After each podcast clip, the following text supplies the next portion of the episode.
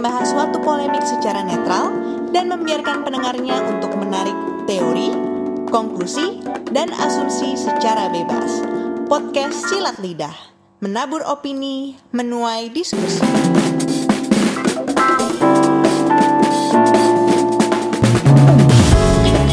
Selamat datang di Silat Lidah bersama gua Ivan Budiman. Kembali lagi di episode baru dari podcast ini. Dan sekarang gue ingin membicarakan satu topik yang erat kaitannya lagi-lagi dengan kepercayaan atau agama. Topik favorit gue nih kayaknya nih. Memang sih. Topik hari ini adalah ziarah. Tapi sebelumnya gue disclaimer dulu ya guys. Gue sama sekali nggak ada maksud menghina, merendahkan atau ngata-ngatain kepercayaan ataupun tradisi keagamaan mana pun penyebutan nama agama dan tradisi di sini semua berdasarkan fakta dan dapat dicek dan dipertanggungjawabkan.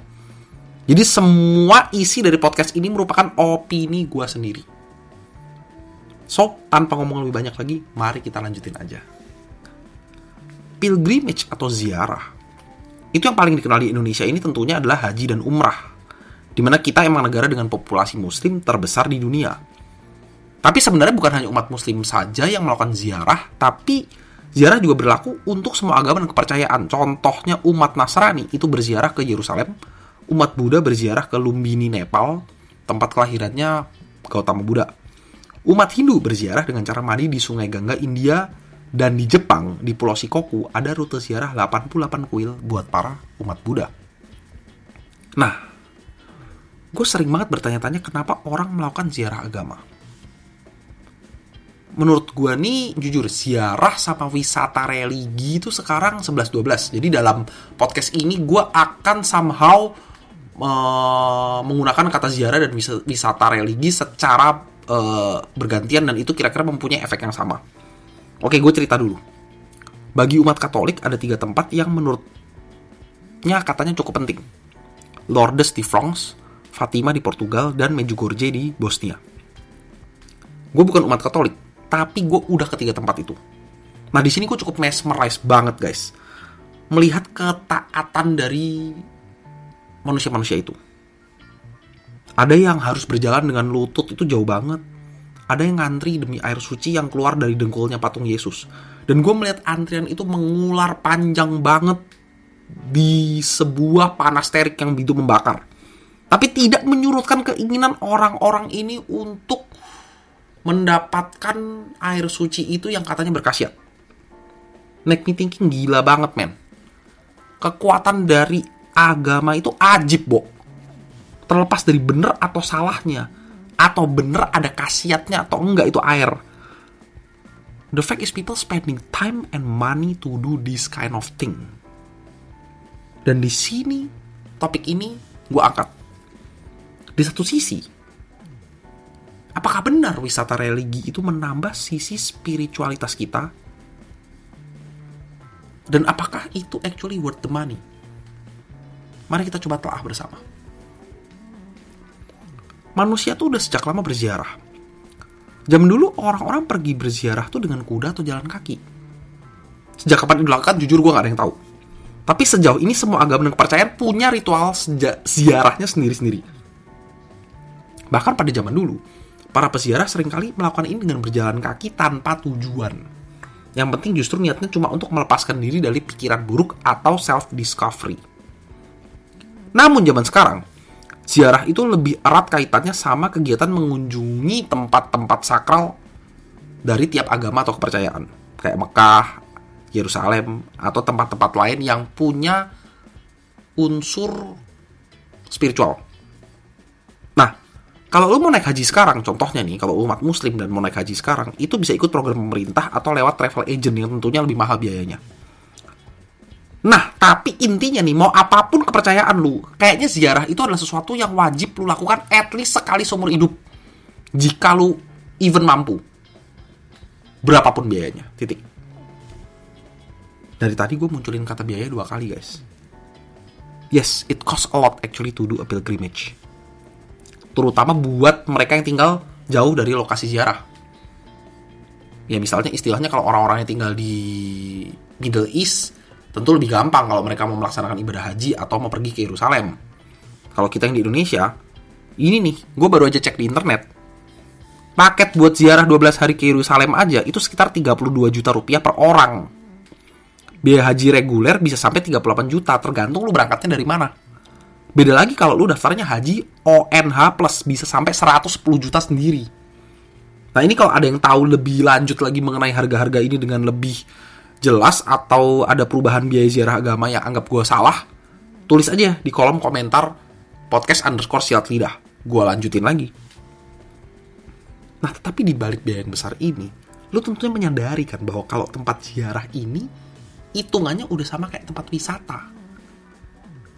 Nah, kalau ini namanya tempat wisata, it's a tourism, means it's a tourism business. Gue melihat bahwa tempat ziarah itu juga merupakan area dengan potensi ekonomi yang besar. Dan tentunya negara-negara yang kebetulan hoki dan site-nya ini ada di negara mereka, itu ketiban untung gede banget mereka jelas bisa menjadikan begitu banyak bisnis dan sudah dilakukan. Mari kita beberkan aja faktanya. Para istilahnya nih, para calon haji aja nih, kayak haji sama umrah. Itu dari itu aja Saudi Arabia itu mendapatkan GDP alias produk domestik bruto sebesar 12 miliar US dollar per year. Which is equal to 20% dari GDP produk non minyak. Jadi lu bisa bayangin kan kira-kira keuntungan mereka. Nah, datanya nih dari tahun 2017 sampai tahun 2018 ada kira-kira 6, juta umat muslim yang melakukan umrah. Tentunya aja jumlah ini tahun 2019-2020 jelas berkurang jauh karena COVID. Nah ini baru umat muslim, baru satu agama aja. Belum gue ngomongin lagi umat Kristen, Katolik, dan urusan Holy Land. Another money we are talking here. Jujur gue sendiri aja belum sampai ngelihat data-datanya buat ngitungnya urusan Holy Land. Kalau nggak salah sekitar 9% dari GDP Israel.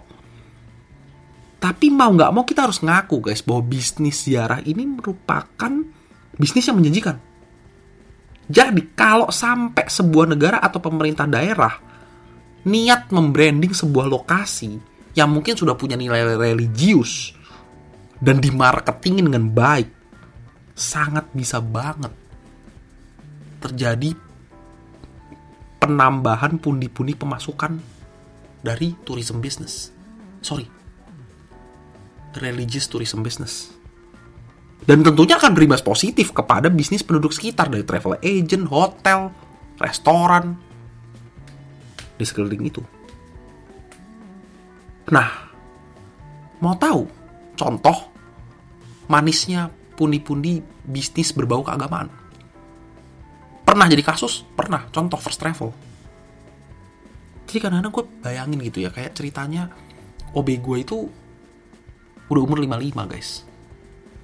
Tiap gajian, gue tahu dia nabung. Gue pernah nanya, lu nabung buat apa pak? Apa untuk anak-anak sekolah? Enggak pak, itu juga ada pak. Tapi yang paling penting pak, saya pengen menunaikan ibadah haji pak. Gue dengernya terenyuh loh mereka-mereka ini menabung dari hari ke hari hanya untuk bisa menunaikan ibadah. Tapi kalau ujung-ujungnya kena tilep, itu mengenaskan emang. Tapi dari sini gue bener-bener bisa melihat bahwa apa pun itu termasuk bisnis, kalau udah digabung sama yang namanya agama, ampun-ampun men, punya kekuatan ala dewa bos. Bener-bener agama itu bisa punya power untuk membuat orang bukan hanya merogoh sukma mereka tapi juga merogoh kocek mereka yang sudah mereka kumpulkan bertahun-tahun lamanya. Sehingga sangat penting sekali untuk bisnis model kayak gini, pemerintah itu harus dengan keras meregulasi. Kenapa perlu regulasi? Jelas karena kue bisnis ini tuh manis banget. Dan para pelaku bisnis di dalamnya sangat berbondong-bondong untuk mengambil keuntungan. Karena ini basisnya agama, lagi-lagi kepercayaan jadi regulasi harus benar-benar penting karena kalau enggak kasus first travel itu bisa terjadi lagi dan duit orang-orang model OB gua gitu bisa sirna men karena harapan keagamaan belaka. Nah, sebagai penutup, gua akan mengajukan sebuah cerita. Tapi dimulai dengan sebuah pertanyaan. kenapa ya orang-orang itu rela untuk tetap mau pergi berziarah dengan biaya yang kadang-kadang nggak masuk akal. Bahkan gue tahu ada yang ngutang demi bisa berangkat ziarah. Tentunya alasan mereka pasti kalau nggak kewajiban agama lah, pengen berasa lebih rohani lah. Tapi let me give you a perspective. Bade gue udah pernah ke Holy Land. Gue mengunjungi tempat-tempat yang historical,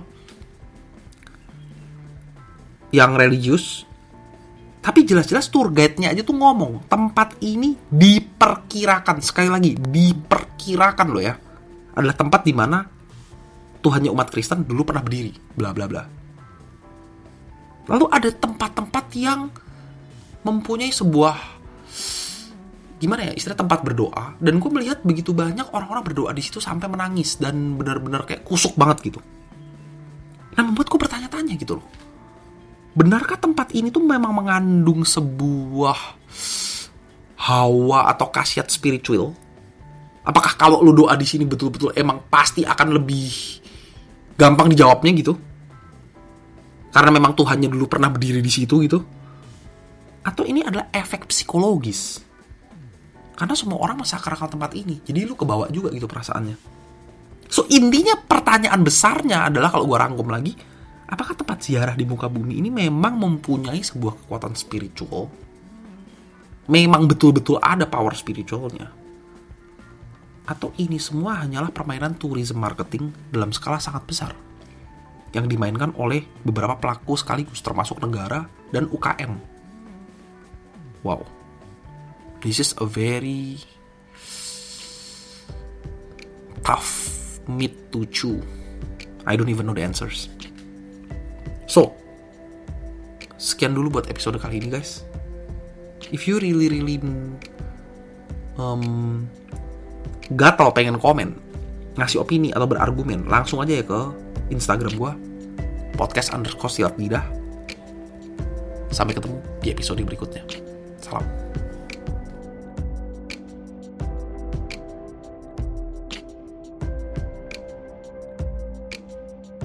Thank you for listening podcast Silat Lidah. Kalau teman-teman pesilat punya komentar atau opini, langsung komen aja ya di Instagram podcast underscore silat lidah. Di mana kita bisa saling berdiskusi dan tentunya bersilat lidah dalam menanggapi fenomena-fenomena kehidupan seperti ini. See you next week di podcast Silat Lidah. Menabur opini, menuai diskusi.